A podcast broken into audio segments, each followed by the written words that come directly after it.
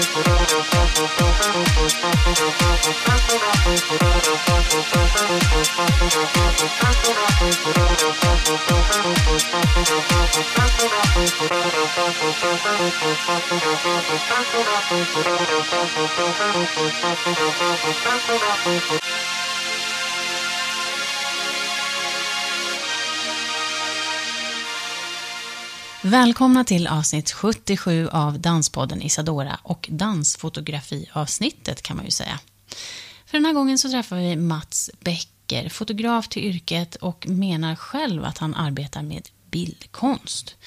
Mats har jobbat tillräckligt länge för att veta vad som funkar och inte och hur det bästa fotot tas. Alla vinklar testas i alla positioner och det lät som att det skedde i nästan oändlighet.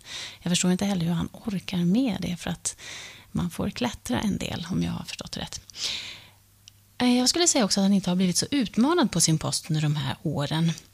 För även om det finns fantastiska fotografer idag som tar bilder på dans så känner man verkligen igen Mats Beckers foton. Det kanske du också gör. Och vad det är som gör det, det kan ju bara han svara på. Och eh, om du får svaret i det här avsnittet, det återstår ju faktiskt att se. Vi kommer att spela in ytterligare ett, så du kanske kan hålla ut tills dess annars. Vi får helt enkelt kalla det här för Mats Becker del 1. Jag vill också säga att eh, i början, precis i början av vårt samtal så eh, började jag ljudchecka mitt under hans svar på en fråga och jag tror att det handlar om Kenneth Kvarnström där. Så att det kommer att sjunka, eller man hör inte någonting under några sekunder där. Jag ber verkligen om ursäkt för det. Det var totalt oproffsigt av mig. Men eh, jag kan ju ställa den frågan igen när vi träffas nästa gång. För nu tänker jag nämligen släppa in er. Varmt välkomna.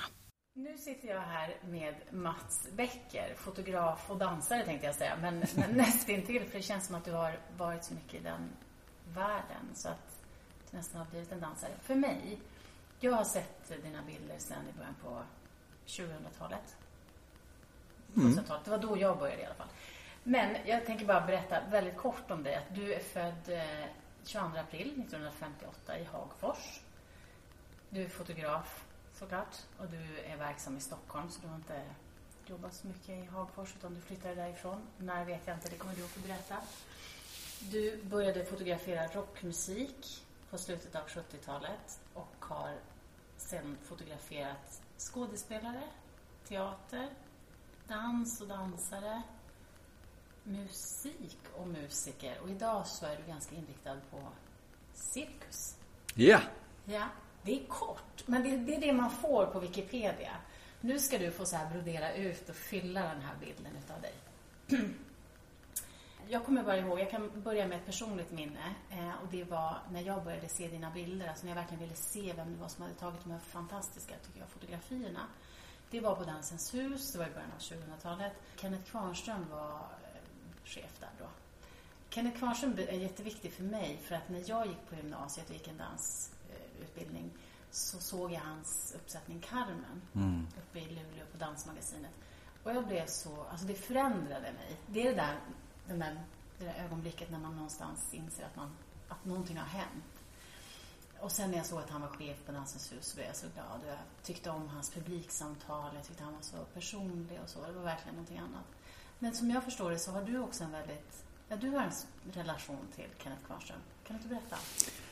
Ja, han är en av de koreografer som jag jobbat med som har har verkligen betytt mycket för mig. Också för att han är bildintresserad och det sättet han jobbar är att skapa bilder väldigt mycket. Så att det känns att vi har haft ett väldigt bra samarbete när jag fotat hans, hans uppsättningar och dessutom som du sa så hade jag ju flera utställningar på Dansens hus under hans tid. Och det hade jag även under eh, Zetterbergs tid, han som var innan Kenneth.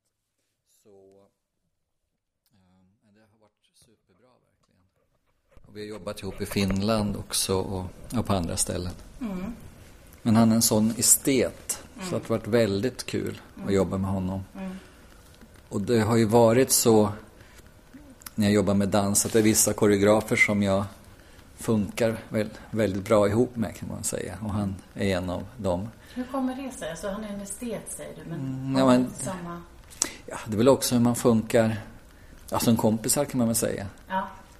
Och, ja, men jag gillar hans språk helt enkelt. Och han är väldigt tydlig i, i sin koreografiska språk också. Mm, mm. Men så att eh, det är lite svårt att ta på sådär men nu för tiden så, jag, jag har inte jobbat med honom på länge tyvärr.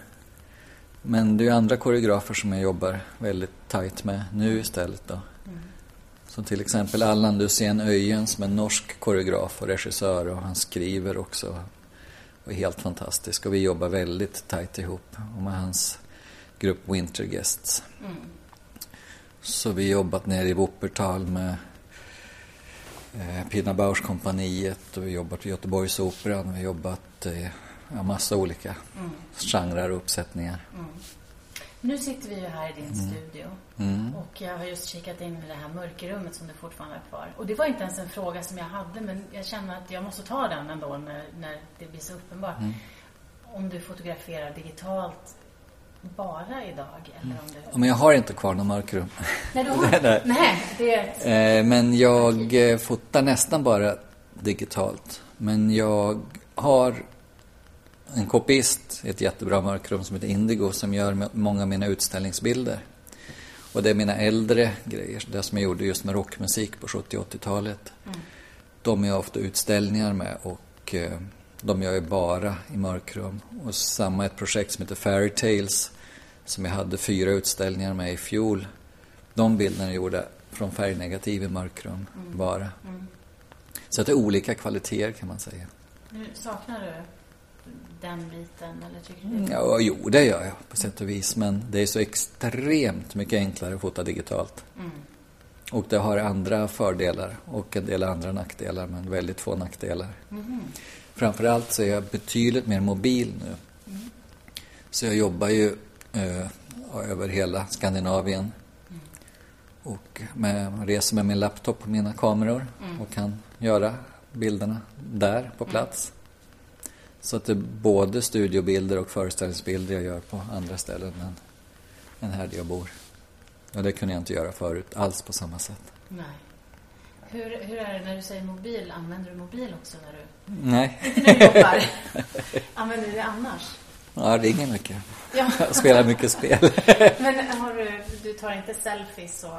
Nej. Den typen av bilder? Nej. Den är så kass kameran i min mobil så. Mm. Oh, men jag såg en fin bild du hade lagt upp på en champagneflaska. Ja, men visst är den snygg för att den var så oskarpt. Eh, är något fel på den. Den skakar hela tiden och har sig. Så men jag det... trodde att du hade gjort en sån. Nej, nej. nej. Det var, det var väldigt fint. Art by accident, det är väl det som är med hela min affärsidé och det är väl en av grejerna där. Men när du säger så, vad menar du då? Jo, men mycket saker som jag gör råkar bli bra. Det kanske har med erfarenhet att göra också, men. Till exempel en av mina kändaste bilder, det är på Martin Fröst, en slags siluett när han står och spelar i rök. Den gjorde jag i hans cykelgarage med en blixt och den billigaste rökmaskinen jag kunde hitta på Teknikmagasinet. Och sen så när jag skulle dra in den i datorn så råkade jag komma åt ett reglage bara i Lightroom som jag använder så att den är helt blå. Ja men det var ju snyggt. Det var inte meningen alls men så blev det så.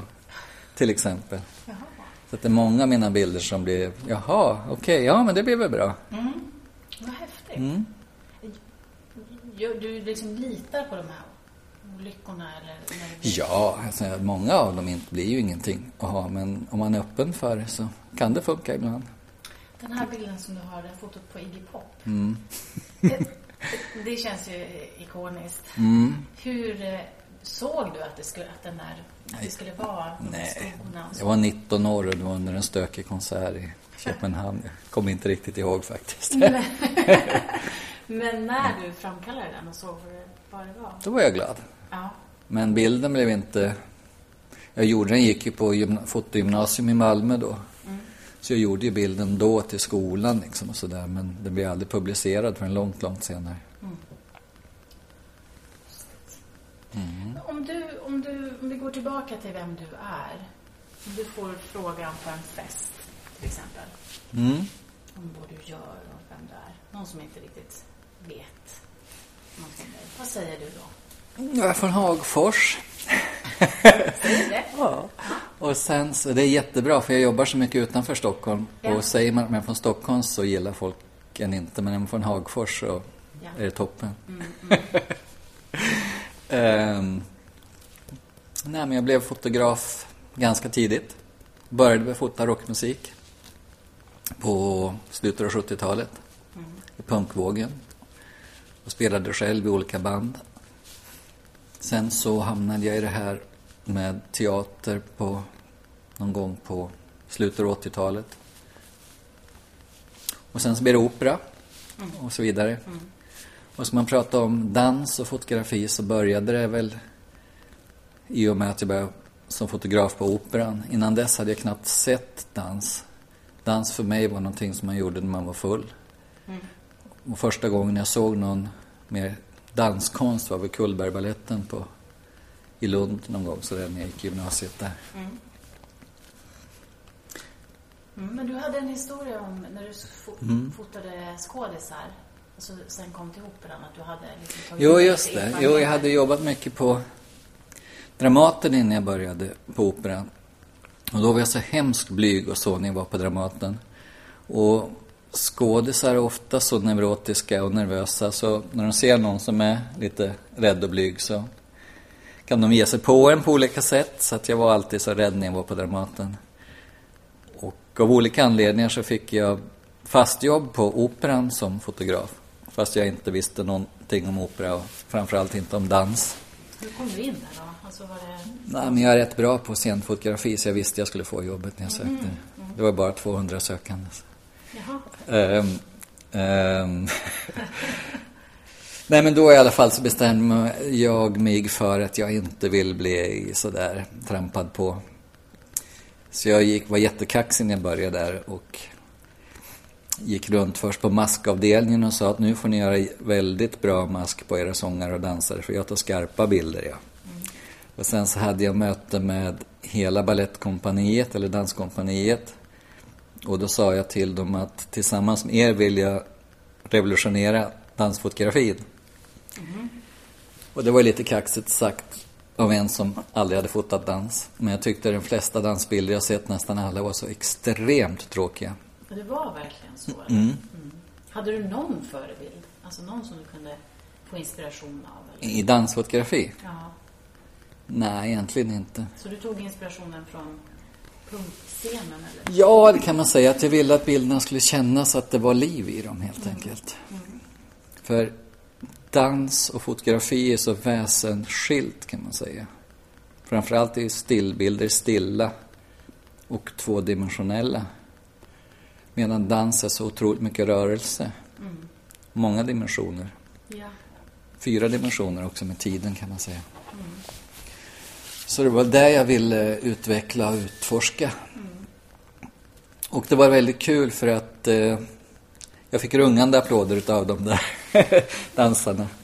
Du kallade till ett möte och sa så här, hej, jag vill presentera mig. Nej, jag var kallade inte till ett möte, men de skulle ändå ha ett möte. Jag vet inte om det var fackligt möte eller informationsmöte. Och då bad jag få komma dit och bara presentera mig. Just det. Så så var det. Ja. Och sen så blev nästan direkt efter det Anneli Hanko som var prima ballerina där då blev min coach. För hon tyckte det här var så kul. Och eh, så jag prov, provfota, eller fota väldigt många repetitioner de hade.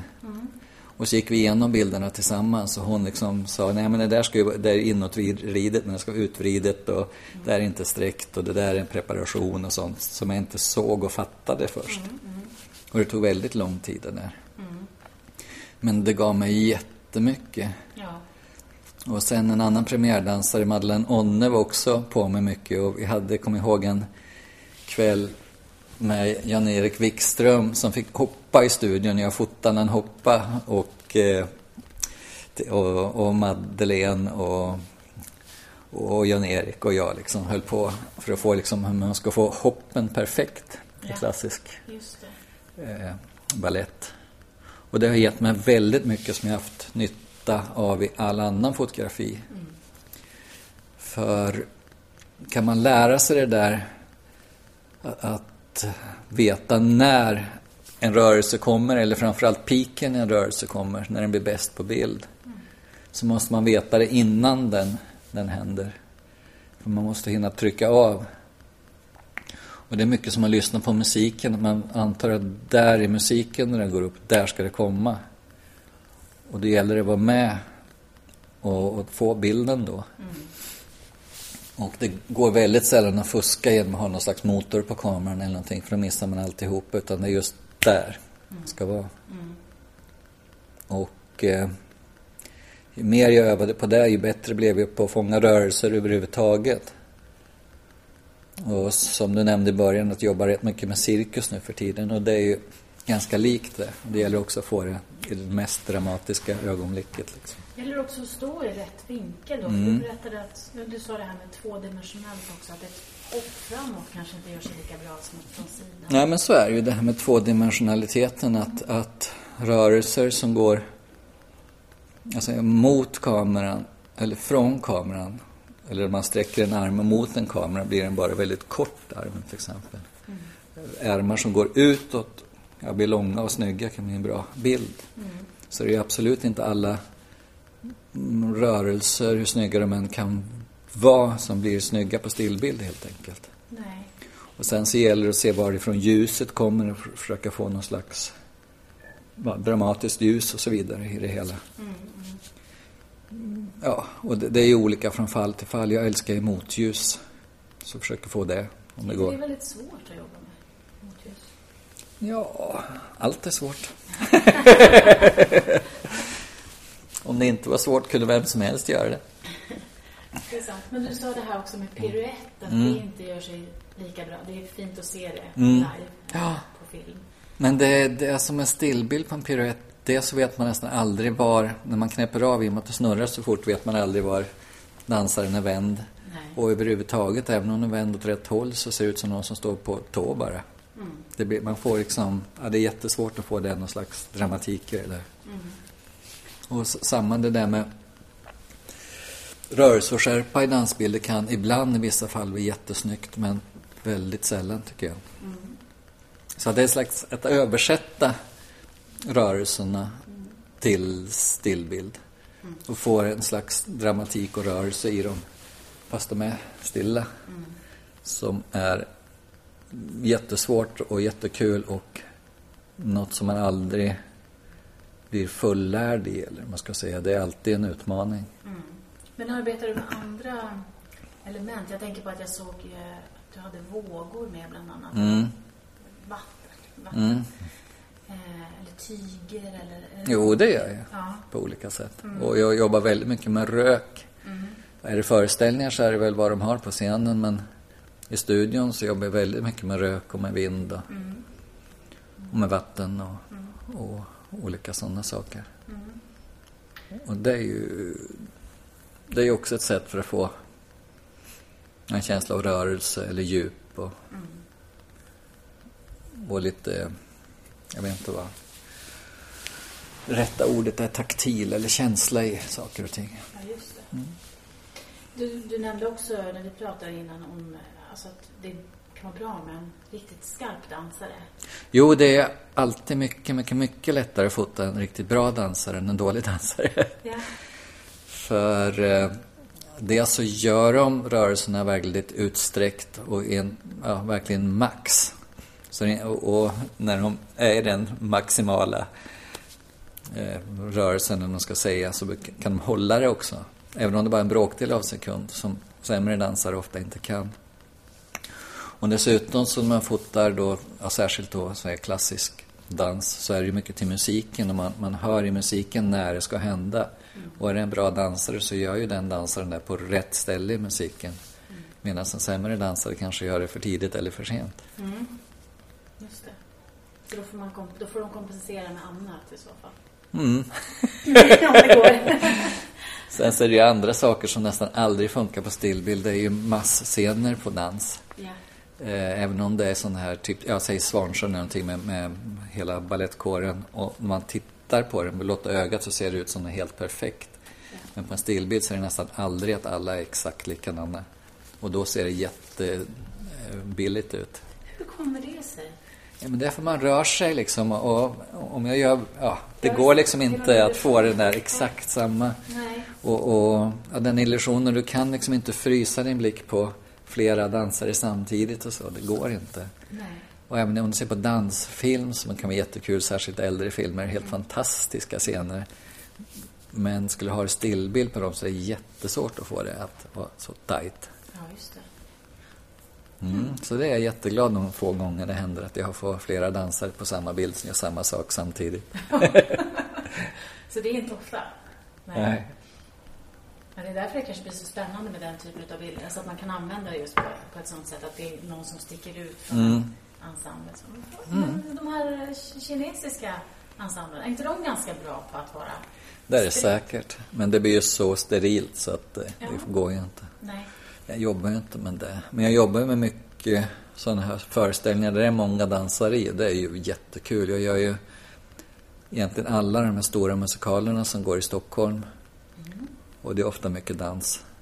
Senast var det väl Häxorna i Eastwick och Värsting till syster till exempel. Och Många av de där, Singin' in the Rain för massa år sedan. Sånt är ju askul att fota. Det är verkligen roligt.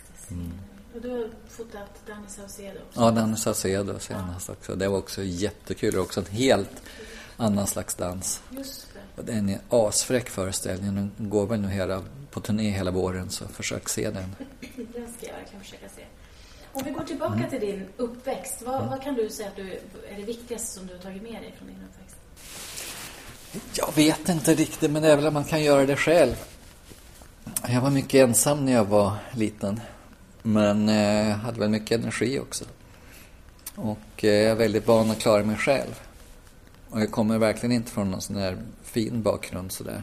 Men det har också varit en väldig fördel. Jag jag är väldigt folklig, säger folk. Och jag har lätt att ta, ta människor, olika slags människor. Och sen dessutom så bodde jag ett par år i Tanzania med min mamma när jag var liten. Så engelskan ligger väldigt naturligt för mig. Och det är ju superbra i och med att jag jobbar så mycket med folk från hela världen. Och att inte det känns som något konstigt liksom. Det är väl väldigt, något som jag verkligen är med mig från min, min uppväxt. Och sen att det, jag vet inte var det kommer ifrån, men jag har alltid älskat eh, ja, kultur i olika yttringar. Från rockmusik då till, till mycket annat. Spelar du fortfarande i band? Mm, ibland. Vad är det för... Saxofon. Punkband. Eh, finns det något foto på dig med en saxofon då? Finns det många. Hur, hur ställer du dig till att folk fotograferar dig? Jag gillar det inte alls. Men, Nej. alltså är jag i en roll så går det bra. Ja, ja. Om det är om en saxofon eller jag med en kamera eller något sånt där. Ja. Och det brukar jag alltid säga till dem jag fotar också. Att ta på dig den rollen Mm. du ska fota dig i. Ytan säger jättemycket om innehållet ändå. Och jag fotar nästan bara artister. Eh, och när jag höll på med mode och fotomodeller då, men jag fotar nästan aldrig privat och aldrig vanliga människor. För att jag förstår verkligen det här att man inte vill bli fotad. Ja. Jag har full respekt för det där i, islam, att det är fotoförbud. Jag tycker det är jättebra, för jag tycker man tar en del av någons själ. Är det så? Mm. Men om jag skulle fota dig som, om du ska låtsas vara journalist eller något sånt där, då är det en helt annan sak. Då fotar jag din roll. Just det. Eh, så jag brukar säga till operasångare till exempel, ja men låtsas att du är operasångare när jag fotar dig. Jaha, det blir mycket lättare. Jaha, det är så man ska göra. Mm, det, det, det är verkligen min, min grej. Och, och överhuvudtaget mitt kall eller mitt yrke att vara fotograf så är ju väldigt mycket att vara psykolog också. Att få direkt kontakt och få den människan att lita på mig. Och få den människan att tro att jag vet vad jag håller på med och vad jag vill. Jag blev fotad en gång för, kan det vara en åtta år sedan nu, av en fotograf till Plaza magasin för att skulle ha utställning på Fotografiska. Och det var en så bra upplevelse för mig för hon var så ambitiös och jag kände hela tiden att hon vet vad hon vill göra. Och då var det hur lätt som helst för mig.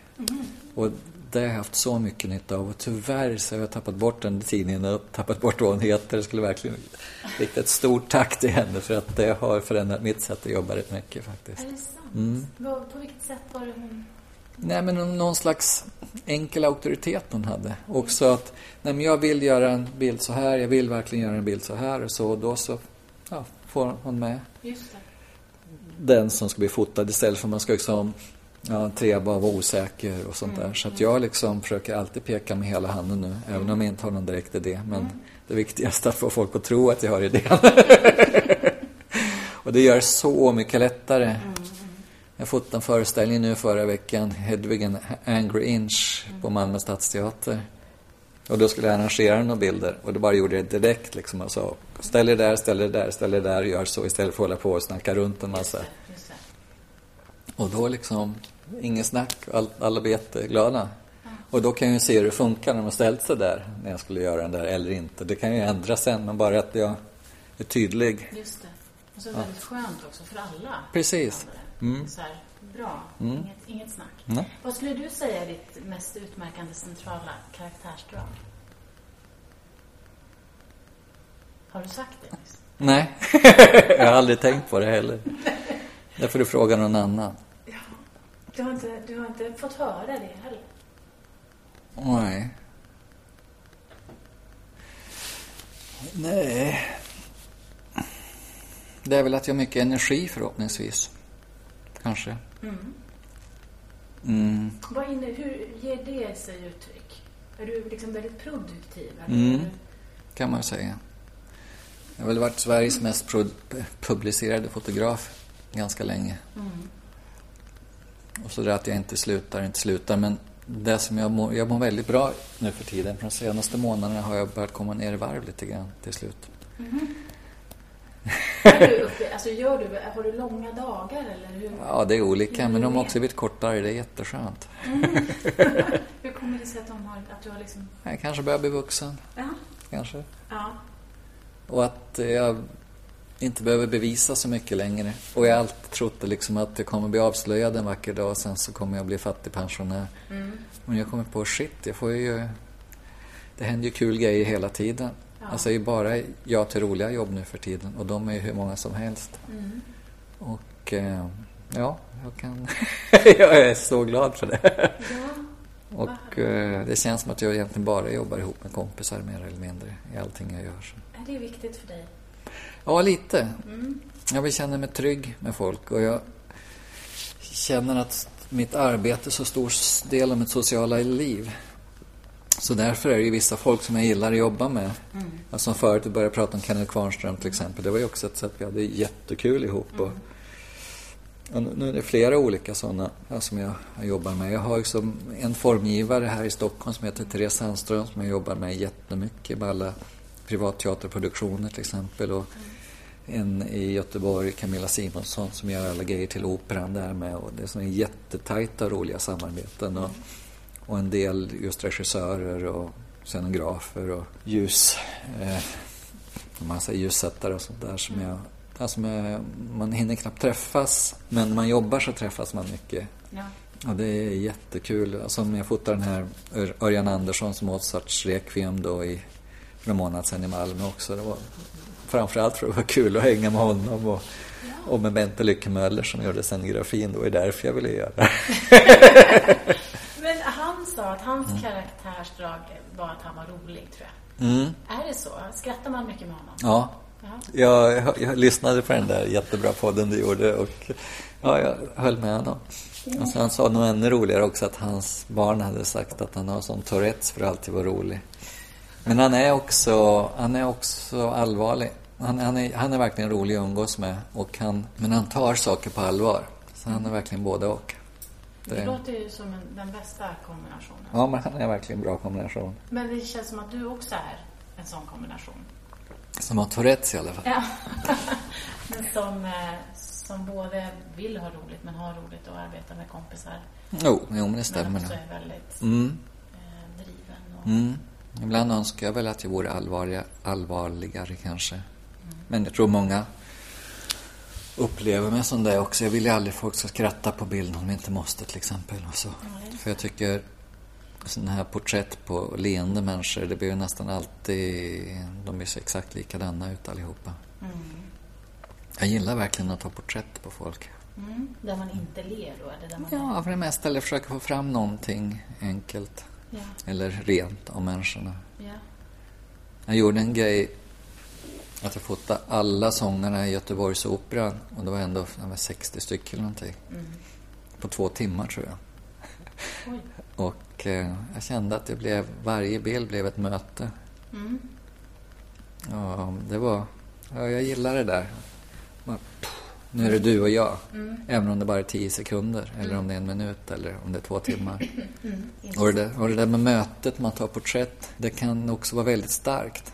Det, kan vara, det är jättestarkt. Det kan vara jättebra. Det är nästan, jag vet inte om erotiskt är rätt eller fel ord, men det, det måste till, det kan bli väldigt lätt någon slags stäm, spänning och det är jätteviktigt. Mm. Om det inte blir det då?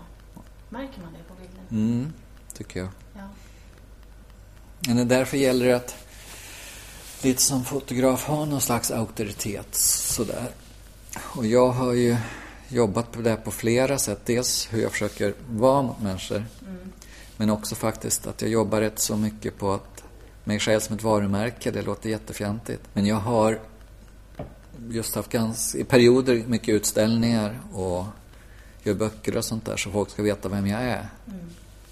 För att det är stor skillnad som för tio år sedan att jag skulle komma och fotografera något och jag var bara vem som helst. Nu är det i alla fall branschen vet mycket vem jag är. Så då så står de på tå lite grann. Ja, för nu är det Mats Becker som kommer och fotar. Ja. Kul eller vad bra och så. Eh, Det är inte bara en fotograf Nej. som någon har släpat dit. Och jag, när jag undervisar som jag gör ibland i, i fotografi eller sådär för fotoskolor så säger jag liksom, ni måste verkligen ha stolthet. Och ja, var inte bara vem som helst. Nej. Och sådär. Och bildning, bildning, bildning och få lyssna. Och, Men Hur ska man göra det? Hur ska man som ung fotograf då komma och ta plats på det viset? ja, det, är bara att ta plats. Ja, men det var lite det jag sa. Visa att du vet vad du vill.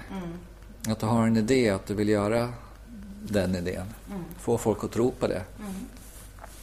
är väl lite nummer ett. Och ha respekt för folk naturligtvis. Man ska ha jätterespekt för folk. Men, men eh, var på ett sätt så att de ger dig respekt också. Och det är väl viktigt i hela livet i och för sig. Men, men just fotografyrket har ju i alla fall tidigare varit någon sån där bihang till en journalist, den som kör bilen eller så. Och därför så jobbar jag aldrig för tidningar Nej. på, på mycket, mycket länge. Nej. Utan det är ju en, en konstart i sig kan man väl säga som är viktigt. Ja, alltså bara en passus nu. Men när Expressen också gjorde sig av med fotograferna Mm. och så. Då kände jag att nu håller det här yrket verkligen på att förändras totalt. För nu Mm. så, som journalist så förväntas man ju fotografera Mm. och, och filma och sådär också. Och det kan man ju aldrig göra på samma... Alltså man kan Nej. inte ta någon annans roll. Sen finns det ju fotografer som, som skriver också. Mm. Eller, Men jag, jag är viktig med... eller Jag vill alltid Mm. poängtera om någon säger så här, ja men du, du fotar också. Mm. Fast jag är inte fotograf. Mm. För att det kan man inte säga. Eller jag känner Nej. så, och, och prata om det så. Men det är en just det, det är så mycket i pressfotografin eller tidningarna som ger så lite plats nu för tiden för fotografi. Så jag känner när det där som du snackade om Expressen hände så förstår jag det är inte så konstigt för att det är så lite tid och så lite plats och de där bilderna som de ändå tar kan egentligen vem som helst göra ofta också. Det, och jag tänker liksom som Expressen var för en, en, en 20 30 år sedan, det var ju som wow. Man liksom blev paff, vilka bra bilder och så. så att det. Men, men också att man är på de platserna Mm. där, där vanliga Ja. människor inte kan, kan vara. ja men precis. Men bara det också, vad tror du kommer att hända med fotografiet? Vad- Ja, det blir ju mer och mer bilder så att eh, Ja. det kommer gå bra. Men det kommer också, det ställs ju högre och högre krav. Och det har ju förändrats mycket. Att bara tills för kanske fem år sedan så sökt, den här, söktes det, det var söktrycket till fotoskolor hur högt som helst. Nu så är de glada om de får ihop en klass. Och jag tror att det är lite samma med journalistutbildningar också. För att det har liksom inte den statusen på det sättet längre. Men framför allt så är det med grundläggande fotografi kan man ju lära sig på Youtube nu. Mm. Så till exempel från de högre utbildningarna på Konstfack och så vidare så Förut, så om man skulle hålla på med fotografi där, så skulle man ha gått en massa utbildningar innan. Nu är det många som söker och kommer in som är jättebra, som egentligen inte har någon ut, formell utbildning alls innan. För de har lärt sig allt det grundläggande mer eller mindre själva. Just det. Och det var svårare förut på den analoga tiden för det var så mycket grejer. Man behövde lära sig om framkallning och allt vad det var. Nu är det, är det, de grejerna kan man lära sig mycket enklare på andra sätt. Och, och jobba ändå. Ja, men med utbildning överhuvudtaget. Jag tänker mm. på att det, de har svårt att få in poliser också på polishögskolan. det kanske är så att vi lär oss allting på egen hand framöver. Kanske utbildningen man ska kolla på. Ja, men med poliser är det en annan sak. Att det är väl så dåligt betalt. Det finns så mycket jobb. Som är bättre betalt när man inte riskerar livet på samma sätt. Så. Mm. Ja, det. Och det är kanske samma med fotograf, fotografer och journalister också. Det finns ju så mycket jobb att få nu som är så bra betalt. ja, visst. Och fotograf kan man inte bli om man gillar trygghet. Nej, inte frilansande journalister kan jag säga. Jag har valt de två värsta bitarna, dansare ja, och precis. journalistiken. Nej. Men jag säger upp mig så fort jag får ett fast jobb igen. Eh, men kärnan i din drivkraft då? Vad skulle du säga att det är? Nyfikenhet. Ja. Mm, det är väl det kanske är mitt grundläggande karaktärsdrag förresten. Yeah. En nyfikenhet, det kan du klippa av. Kärnan i mitt karaktärsdrag är nyfikenhet. Yeah. Och det var nog därför jag blev fotograf. Först ville jag faktiskt bli arkeolog när jag var liten. Det har ju också med nyfikenhet att göra. Men sen så blev det fotografi och det har med att man kan ju komma in i så otroligt mycket olika sammanhang som en fotograf. Mm en slags biljett in, eller man ska säga, till så många andra världar. Och sen så blev det av en slump att jag började med rockmusik.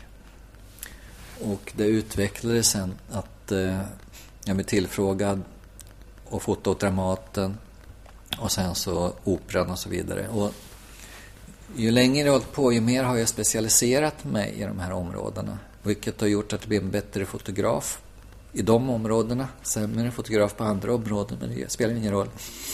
Och den här nyfikenheten för scenkonst, den, den, eh, den blir bara större och större. Och jag får jobba i roligare och roligare sammanhang. Mm. Vilket också gör många av mina föreställningsbilder blir rätt bra. Men det är framförallt för att jag jobbar med så bra scenografer och regissörer och ljussättare. då är det så serverat för mig. Mm. Så då är det ju mycket lättare att ta riktigt, riktigt bra bilder. Mm. Jag kan inte ta någon bättre bild än någon annan på en liten källarföreställning med en lampa. Liksom. Mm. Men du har ändå öga för mm. Det tror jag. de detaljerna, mm. eller, eller vad det nu är. Ja för bilden. Ja. Men du sa någonting till mig tidigare om att du också knäpper bilden innan mm. den har hänt. Ja, precis. Mm. För det funkar så en, en modern ja, eller kamera sedan länge, en spegelreflexkamera, att den bilden du tar, den ser du aldrig i kameran. För, för spegeln fälls upp en bråkdel av en sekund. Mm. Och då är det liksom svart. Så har du sett en, en bild, då vet du att du inte har fått det. Mm. Och så har det, har det alltid varit. Nu så finns det ju mer elektroniska kameror där man ser hela tiden. Och det är precis tvärtom. Trycker av så fryses bilden i sökaren i kameran. Mm. Och det är ju en ny grej. Men, men det måste ändå vara jättesnabb. Och även de här allra modernaste kamerorna måste du vara snabb för att det tar ju ändå en stund från hjärnan tills du trycker med avtryckarfingret till kameran hinner reagera. Så du måste göra det innan det händer. Mm. Och det är en utmaning. Det är en väldig utmaning. Har du någon gång sett på en bild eh, som du har tagit att så här, ja, det här det hände precis innan? Eller? det händer varje gång. Nej, men det är så många bilder när jag fotar föreställningar säger shit, det var jag för sen eller för tidig eller något sånt där. Mm. Hur kompenserar du sånt då? Alltså... Sprit. ja, men hur... Nej, men jag fotar ju mycket liksom. Så Alltså det är ingen idé att gråta över det. Ska jag fota en föreställning så är det kanske 20 bilder som behöver vara riktigt bra om, omkring. Mellan 10 och 30 bilder kanske. Mm. Hur mycket fotar du då? Ja, det beror på hur stor. Med en stor uppsättning, säger Danny Saucedo senast, kanske 1000-1500 bilder eller något sånt där. Mm. Ofta fotar jag det två gånger. Ja. Och då gäller det bara att vara på och veta. Ja, särskilt, det brukar vara så att jag tittar en gång och så fotar en eller två gånger. Eller att jag fotar den två gånger och då vet man ju andra gången man fotar när det är vits och knäppa, när man kan ta det lugnt. När man vet att det här är ingenting som blir bra på bild. Just det. Och sen så är det ju tvärtom ibland att en ny grej är så häftiga. Det skulle vilja varit på flera ställen samtidigt och fota och det går inte alltid. Nej. Ibland är jag med mig medhjälpare som fotar också. Mm. Som jag placerar ut på andra ställen och sånt också. Men det är mycket det där energin att komma in i det och hänga med och bli en del av det hela. Ja, just det. Och om du skulle se mig när jag jobbar på sånt där, jag springer omkring och klättrar hela tiden. Det är som, ett, eh, jag är som en apa, det är som ett gympass liksom. Men måste du gilla det du ser? Eller kan det vara hemska föreställningar också? Jag måste nog gilla det. Det var länge sedan jag fotade något som jag verkligen inte gillar, men det händer väl, men det glömmer jag väl ofta. Men det är därför jag gör ju nästan bara saker som jag tror jag gillar. Men sen kan det vara att jag blir jättepositivt överraskad också. Jag skulle jobba med den här Så som i himlen som de satte upp som musikal. Tänkte jag, vilken idiotisk idé. Efter en så dålig film och så vidare. Och sen så var det ju hur bra som helst. Så att det liksom eh, blev fuktig i ögonen när jag fotade. Nej men, den har inte Och- jag sett. Det kan jag rekommendera. Jaha. Vad skulle du säga var dörröppnare som gav dig mycket, eller någon inspiration eller förtroende? Dels för att jag träffade Micke Berg när jag var i tonåren som en fotograf. Som fick mig att eh, gå hans fotokurs och uppmuntrade mig jättemycket. Utan honom skulle jag aldrig blivit fotograf. Och vi umgås jättemycket fortfarande. Och sen så är det en fotograf som heter Bengt Vanselius som jobbade på Dramaten för länge sedan. Och han, då han som fick mig att komma in och fota där. Och det var ju väldigt avgörande. Hade det inte varit för honom så hade jag inte fortsatt med scenfotografi. För jag hade, jag hade slutat fota rockmusik och tänkt bli reportagefotograf. Och det ledde ju till att jag började jobba för Operan och så vidare. Så det var ju väldigt, väldigt avgörande. Får man väl säga. Men sen så tror jag att jag är ganska bra på att förvalta mitt pund, som det står i Bibeln. Att, att ta chanser. Och att utnyttja kontakter och så vidare. Så se, se till att det ena leder till det andra. Viljan att utvecklas. Nu kanske jag hoppar väldigt mycket men... Och så lite i början så pratade vi om det här med att dansfotografi och dans och fotografi är så olika media. I och med att det är så still, ja, stilla och dans rör på sig så mycket och att det är flera dimensioner. Ja. Så jag försökte ju för eh, 15 år sedan att utveckla det där, göra en uppfinning om fyrdimensionell fotografi. Jag har en fotograf som heter Stefan Olsson. Konstruerade maskiner för att koppla ihop massor och massor med kameror för att kunna fota en rörelse från alla håll samtidigt då i sekvenser. Inspirerad av den här filmen Matrix. Och vi fick faktiskt till det, men det blev så stort och dyrt projekt så att vi la ner det sen. Men det var just för att komma runt hela den här grejen att hur kan man fånga rörelse på riktigt? För att stillbild så är det bara från ett håll och den var fryst. Sen kan du filma den med en kamera, då får du ju rörelsen fast bara från ett håll. Och vår idé var att man kunde liksom filma det från alla håll och i rörelsen och sen så när man hör det så kan man då kunna titta på rörelsen från alla håll, det hållet man vill och i vilken sekvens eller del av hoppet till exempel som helst. Och det är rätt spännande. Var det någon, finns det bevarat Jo, någonstans? Time Slice Move heter det, men det är nog bara jag som har den någonstans. Jaha. Men var det, det var inget beställningsjobb? Nej, det var helt eget. Vi fick massa pengar från olika konstnärsnämnder och grejer. Så det går att göra? Ja. Det är bara det att det är dyrt? Ja, precis. Extremt dyrt. Jaha. Men eh, nu vet vi vad vi ska göra i alla fall. Så ni vi- har skrivit ner det? Ja, han eh, dog tyvärr för ett år sedan, men eh, jag lever fortfarande. men eh, det var så kul. Vi hade liksom de teoretiska idéerna så att vi pratade ihop, men jag hade tänkt på samma sak. Så började vi jobba ihop och så gjorde vi ett litet experiment med fyra kameror. Det funkade. Men så gjorde vi med tolv kameror och kunde synka ihop dem med massa blixtar och sånt där. Och det funkade också. Men så nästa steg för att få det på riktigt hade krävt rätt många miljoner att vi jobbar heltid med det. Och så tekniskt intresserade var vi aldrig. Nej. Så det måste vara någon som är så pass tekniskt intresserad som tar över den Ja, precis. fall. Mm. Hör av er bara. Ja. det låter bra. Mm.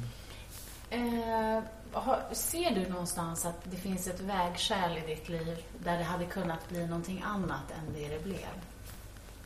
Oh ja. Kan du definiera något? Det var väl i min ungdom då jag flyttade ju till Lund för min mamma jobbade för Sida i Afrika. Jag skulle bo någonstans där. Eh, Jag skulle inte bo i Afrika. Jag skulle inte gå på Sigtunaskolan utan jag flyttade till min bror i Lund. Och då gick det rätt så dåligt för mig i skolan för att alla var, var ju barn till läkare och docenter och så vidare. Så jag började röka jättemycket gräs och sånt där och det gick skitdåligt för mig i skolan.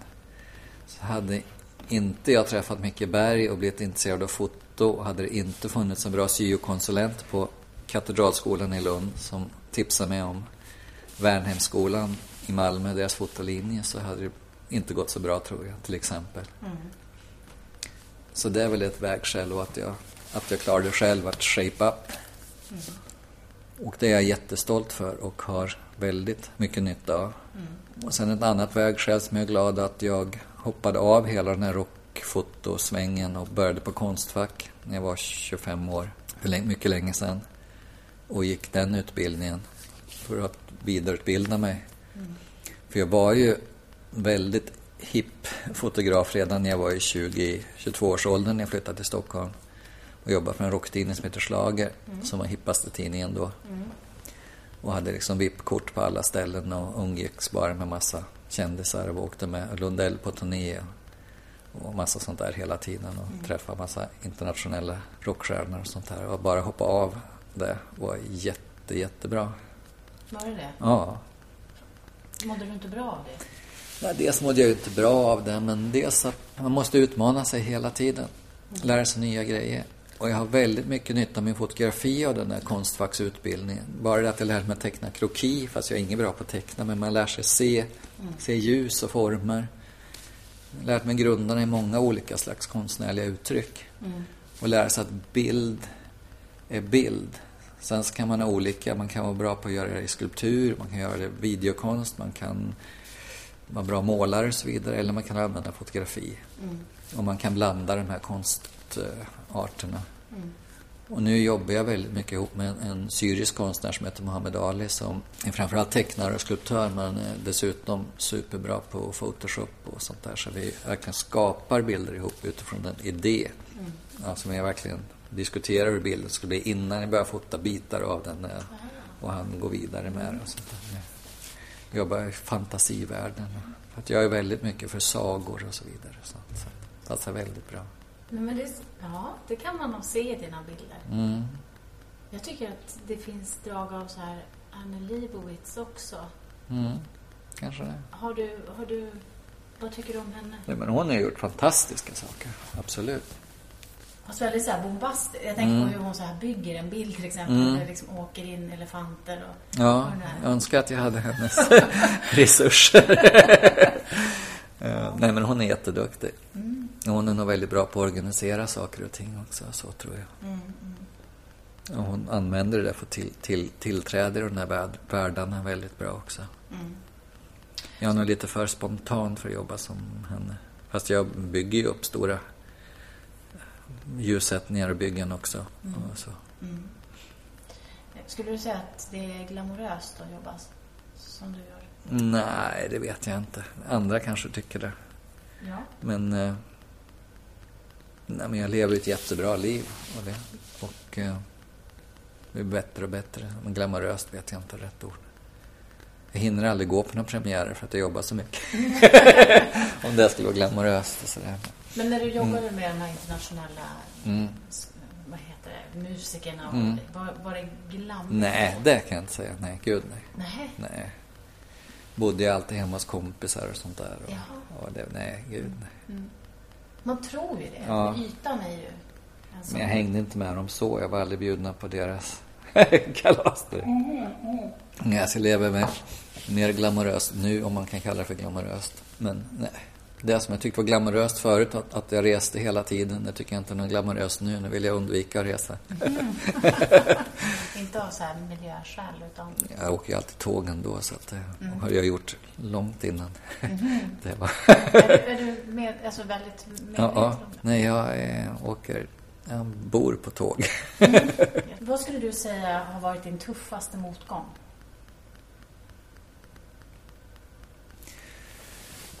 Jag har en väldigt bra talang. Det är att jag har så himla dåligt minne. Mm.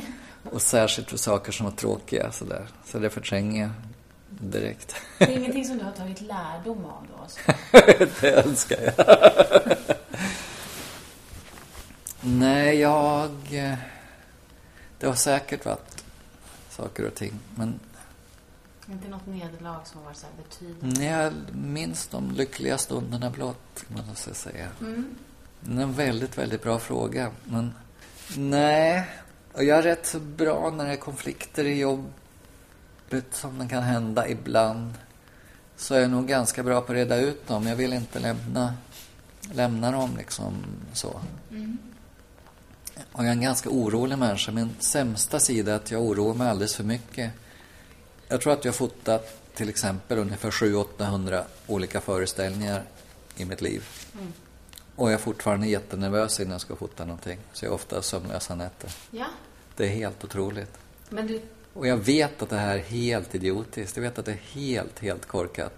För jag vet dessutom att jag har på något sätt så gott rykte nu. Så även om jag skulle komma med dåliga bilder så kan folk tro att det är bra för att det var min mening. Till exempel. Eh, så det känns jättefjantigt. Och sen så, jag är ganska bipolär. Så vissa dagar så känns allt som jättedåligt. Men just nu så känns det bra. Mm.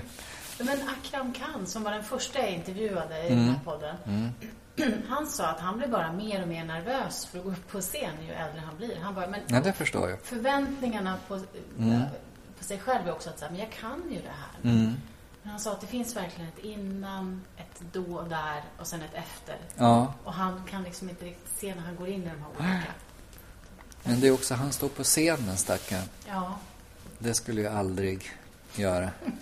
Men å andra sidan så är det ju lite som när jag jobbar, är också en slags föreställning kanske. Mm. Men inte riktigt på det sättet. Men du sa att du hänger och, och liksom... Ja. Eh, var, var, var är du då? Ser man dig när Ja, alltså det är ju inte publik när jag fotar föreställningar, Nej, men det är ju de som jobbar där och så. Mm, just det. Men nu tänker jag på så här rockfoto och sånt där, alltså när, när man är på festivaler och liknande, det är fotografer som... Mm, men det orkar jag inte längre. Även det närmaste är ju när jag fotar sådana här shower, för jag gör ju just mycket sådana här som går på alltså Roddo, Göteborg och, och det senaste var Gotia Towers och på Börsen och sådär. Mm. Och även när jag fotar Alltså på Cirkus eller Kina-teatern så. Jag, måste, jag vill ha olika vinklar hela mm. tiden. Mm. Ja. Så att jag rör mig jättemycket och klättrar med de tunga kamerorna upp och ner, upp och ner, fram och tillbaka. Ja. Så jag behöver inte gå på gym så mycket. Jag det. Mycket tränar du?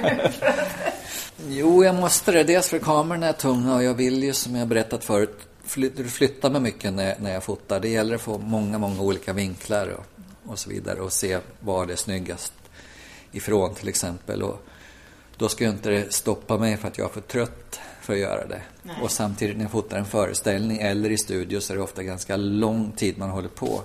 Och det gäller att kunna hålla uppe energin hela tiden. Mm. Så jag tränar rätt så mycket. Dels för jag tycker det är kul. Jag cyklar mycket mountainbike och annan slags cykling också. Mm. Och sen så gör jag väl olika alltså morgongymnastik, styrkegrejer och sånt där. Ja. Men sen så i mitt jobb så blir det mycket träning också av sig själv. Men det är framförallt den mentala biten, att jag inte ska bli trött Nej. under tiden jag jobbar. Vad händer om du blir det då? Alltså, det måste ju ha hänt någon gång. Jo Nej, men då missar jag väl ganska mycket. Och jag vill ju att jag ska vara bäst i världen. Jag har den lilla ödmjuka inställningen att eh, ska man vara bäst i världen, och det vill man ju vara, så måste man jobba för det på massa olika sätt. Framförallt när man fotar, men också när man inte fotar. Dels för att lära sig andra grejer. och hur man lever däremellan. Liksom, att man håller sig lite i form och att man har roligt så man mår så bra som möjligt. Mm. Och jag tycker att alla ska ha den inställningen att de ska vara bäst i världen. Mm. Så får man väl se hur långt man kommer. Men liksom, det är en slags respekt för en själv, respekt för de andra. Att vill de anlita mig eller dig eller så för att göra något så ska de göra det för att de tycker man är bäst. Men hur hänger det ihop med den här lutherska?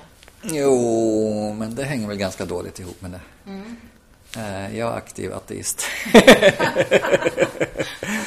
men jag kommer från en väldigt kyrklig släkt så där, så att det är klart jag har jättemycket Luther inom mig. Mm. Och att jag inte ska våga ta plats och sånt där. Så jag låter kaxigare nu än jag egentligen är. Jag är mm. väldigt avundsjuk på många av mina överklasskompisar som har en sån helt självklarhet när de kommer in i ett rum ja. som inte jag har. Mm. Mm. Men då får man fejka tills man... Ja, om man klarar att fejka så är det jättebra. Men jag är ofta rätt så blyg och pratar för mycket folk och sånt där. Mm. Som jag inte borde vara egentligen. Jag, har ju, jag går ju in mm. på så här nederlag och liknande. Du mm. kanske känner att så här, men det där är ju det är ingenting jag fäster någon vikt vid. Men oftast mm. är det sådana delar som har påverkat en ganska mycket. Som man har lärt sig. Mm. Eller man, eh, men om du ser till någon utmaning då, den främsta utmaningen. Ser du något, något där? Jag utmanar mig själv på olika sätt. Mm. Det här med att göra utställningar har varit en väldig utmaning. Och, eh, Varför då? Nej, för då ska man ju visa någonting som är riktigt, riktigt, riktigt, riktigt bra, tycker man, och viktigt och så. Mm. Och jag körde ju en utställning då i fjol som heter Fairy Tales och andra sagor som jag visade runt på, först hos Lars Lerin i Karlstad, sen på Gotland och Göteborg och Stockholm. Mm. Och den gick ju rätt så bra och sådär, men jag kände aldrig att det var riktigt bra, heller talat. Mm. Men det är bara för mig själv, att yeah. jag inte nådde riktigt fram där. Och det är ju en, annan, en annan sak liksom än när man gör ett jobb, om man fotar en föreställning eller en affisch eller någonting. Då går man ju bara vidare och sen så har ju en massa andra folk som hjälper mig att fixa det efteråt och så. Men det här var ju mer jag själv liksom. Men har du någonsin nått? För stunden känns det väldigt ofta att jag gör det. Sen när jag tittar tillbaks på dem så känner jag att det var kanske inte var hela vägen fram. Mm. Men eh, det är en hel del av mina bilder, om man säger så, när jag tittar tillbaks på. Nej, det här är jag riktigt nöjd med. Och eh, det här skulle jag inte kunna gjort bättre. Då är ju väldigt glad. Mm. Men det händer ju inte hela tiden. Och lite i den här digitala tiden nu så är det ofta att jag jobbar ihop med så mycket folk. Och det, det är en fördel ibland att man är en del av processen men bilden sen som kommer ut till en affisch eller vad det ska vara, är jag bara en del i. Och det är kul på vissa sätt och rätt tråkigt på andra sätt. Mm. Att det är roligare när man gör hela grejen. Vad är hela grejen då? När man hittar på idén, får folk att hänga med på den och bilden, då är det verkligen ett rent foto. Mm. En av de senare grejerna som jag är jättenöjd med, det är affischbilden för Mozarts Requiem i Malmö dansteater som är en sån här superren bild. En äldre man som är väldigt nära en ung man har händerna i hans ansikte. En sån där superren bild som bara... Wow, den känner jag också. Åh, jag kunde inte gjort den bättre och jag fick... Wow, det var precis så här jag drömde om att den skulle bli. Men det där med nederlag som du säger, det är en jätte, jätte, jättebra fråga. Men det är just det där att jag känner mig kanske ganska ytlig ofta. Och det är väl en av anledningarna att jag är så ytlig att jag glömmer mm. det som varit jobbigt. Fast det kanske är ganska skönt också, är det inte det? Är inte hänga upp sig vid och haka fast vid Absolut. tråkigheter. Pourquoi hänga läpp, som Carl Jonas Love Almqvist skrev i Det går an. Ja, just det. Har du någon motståndare? Så här, vilken eller vem är din främsta motståndare? Ja, det är väl jag i så fall. Att jag kanske inte alltid vågar så... Alltså, du måste ju ha vågat ganska mycket om du är där du är idag. Jo, eller varit feg. Vågat för att jag har kommit så långt kan man säga, men feg för att jag varit sån konformist och gjort det som folk velat ha av mig. Man kan ju säga att jag kanske skulle kommit ännu längre på vissa sätt om jag bara hade gjort helt mina egna grejer och projekt och så. Men jag har ju inte den läggningen riktigt. Mm. Jag umgås ju verkligen mycket i konstnärssammanhang och får mycket erbjudanden om om jag ska göra ett konstprojekt och sånt där. Men det bara låser sig för mig. Mm. Jag, jag, har liksom inte riktigt den fantasin. Men jag är väldigt, det kan jag väl säga, och inte skämmas, att jag är en väldigt duktig hantverkare. Och det är jag väldigt stolt över. Mm. Men jag kanske inte är en duktig konstnär. Men det är en liten annan sak. Vad, vad lägger du in i det, i konstnärs... Ja, konstnär, är man väl ofta mer avantgarde. Mm. Och gör saker, innovationer och sånt som verkligen kommer kanske inifrån, till mm. exempel. Mm. Eller sätter saker i en helt ny kontext. Ser saker, visar saker på ett helt annat sammanhang på olika sätt. Mm. Och det är kanske inte jag, tyvärr. Det önskar jag att jag vore. Men, eh, Men kan du göra det nu då? Nej. jag har jättedålig fantasi. Ibland undrar jag om jag får sämre och sämre fantasi. Det är lite svårt att spruta ur sig idéer. Men jag hade ett jättebra möte idag förresten hos Charlotte Engelkes som är en väldigt bra performanceartist jag jobbar mycket med. Att vi bara ska hitta på ett, ett slags konstprojekt ihop. Och eh, det kanske kan bli någonting. Och det är ju det där att jobbar man i en grupp sådär, men jag har väldigt svårt att sitta, svårt att sitta själv på kammaren och mm. komma på, eller känna oj det här måste jag göra. Men du är en sån som vill jobba i grupp ja. framför mm. jobba solo. Ja. Är inte det lite ovanligt för en fotograf? Kanske. Mm. Men det, det roligaste för mig med de här scenkonstgrejerna, det är just de här jobbar med mina kompisar och det blir olika konstellationer på olika ställen. Det är den regissören där och den scenografen där och den koreografen och så vidare. Och så vidare. Eller den dansaren eller skådisen eller cirkusartisten. Så kommer in den konstellationen. Mm. Just då så har man jättekul, jobbar ihop jättetajt en stund och sen splittras man och så kanske man ses i den slags konstellationen någon annanstans. Mm, mm. Ja, jag tycker det är underbart. Det. Eller jobbar du med, med folk du har jobbat med tidigare eller kommer in mycket nytt folk? Ja, det är klart det kommer in nytt. Särskilt mm. dansare har ju så kort brintid. Ja. så, så det kommer nya hela tiden, det gör det. Men sen så det... Ja, din bransch? Alltså... Jo, det gör det. Men inte jättemånga, ärligt talat. Nej. Jag trodde för länge sedan att när jag fyller 40 så kommer det att finnas en massa unga, massa talang som tagit mina jobb. Mm. Och sen så tänkte jag när jag fyller 50 så kommer jag vara, kommer jag vara helt slut. Och när jag fyller 60 då är jag ju död. Mm. Nu är jag snart 62 och eh, det finns ju flera stycken jätteduktiga men väldigt få som är så här specialiserade. Mm. Så att jag känner, börjar känna nu till slut, det är kanske därför jag kan vara så lugn, att jag kommer att gå i hamn som fotograf. Eller? Yeah. och det är inte jättemånga som är det hela sitt liv sådär. Du får ha sån här masterclass, mm. man kallas. Alltså mm. filmade klasser. Ja, kanske det. Jag håller på att göra en bok. Ja. Mats Beckers School of Opera Photography är arbetsnamnet. Jaha. Där jag berättar om olika bilder jag har gjort. Dels lite kul anekdoter och sen så tekniskt och, mm. och när jag mötte Lassie-grejer och sådär. Ja, just det. Du måste ha massor med sådana historier. Mm. Men den tror jag blir rätt kul. Den kan ha olika målgrupper. Någon som är intresserad av kändiskvaller, någon som är intresserad av fototeknik och så vidare. Så. Ja, mm. men om jag nu frågar hur, vart du är nu och vart du är på väg. Mm. Som en nästan avslutning, mm. avslutningsfråga. Vad, vad skulle du säga då? Ja, men nu är jag ju i det läget att jag kan välja mina uppdrag väldigt mycket själv har jag fått en ganska bra position och eh, jag hoppas kunna jobba mindre med att stressa omkring överallt.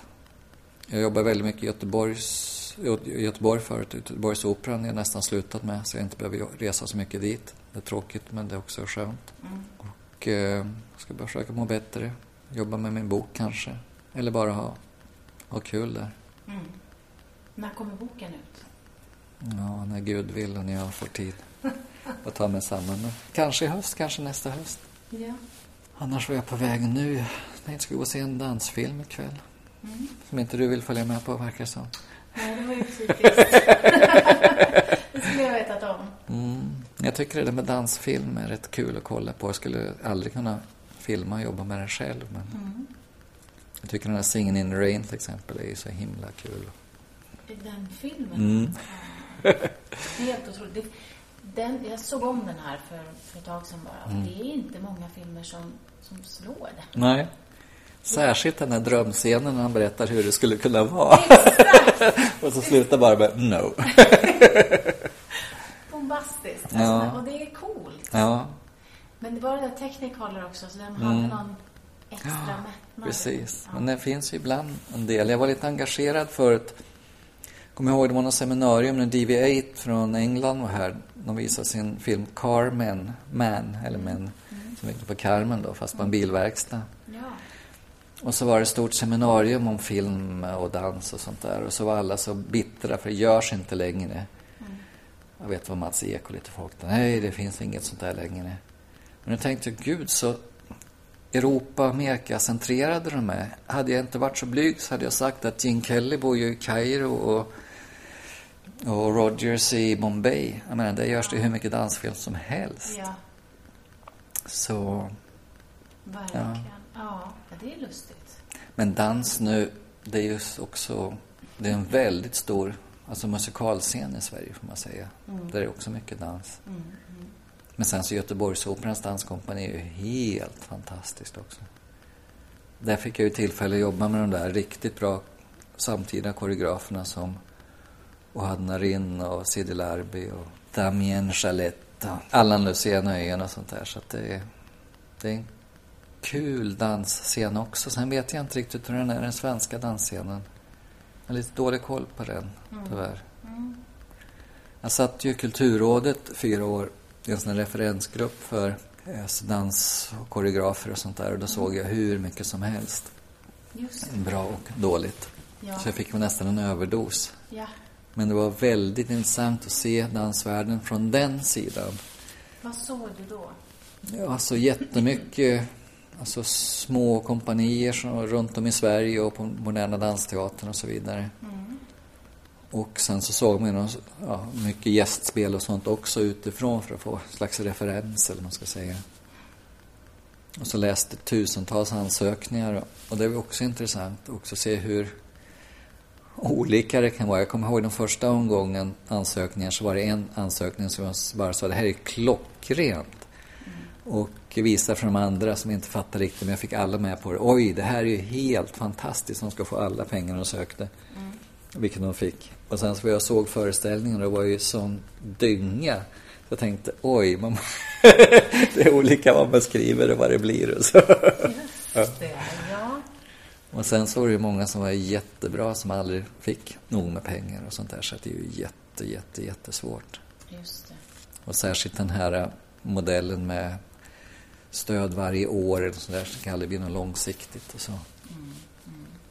Och det blir fler och fler också som ska ha en del utav kakan, Mm. som jag förstår i alla fall när jag pratar med koreografer och dansare. och kompanier.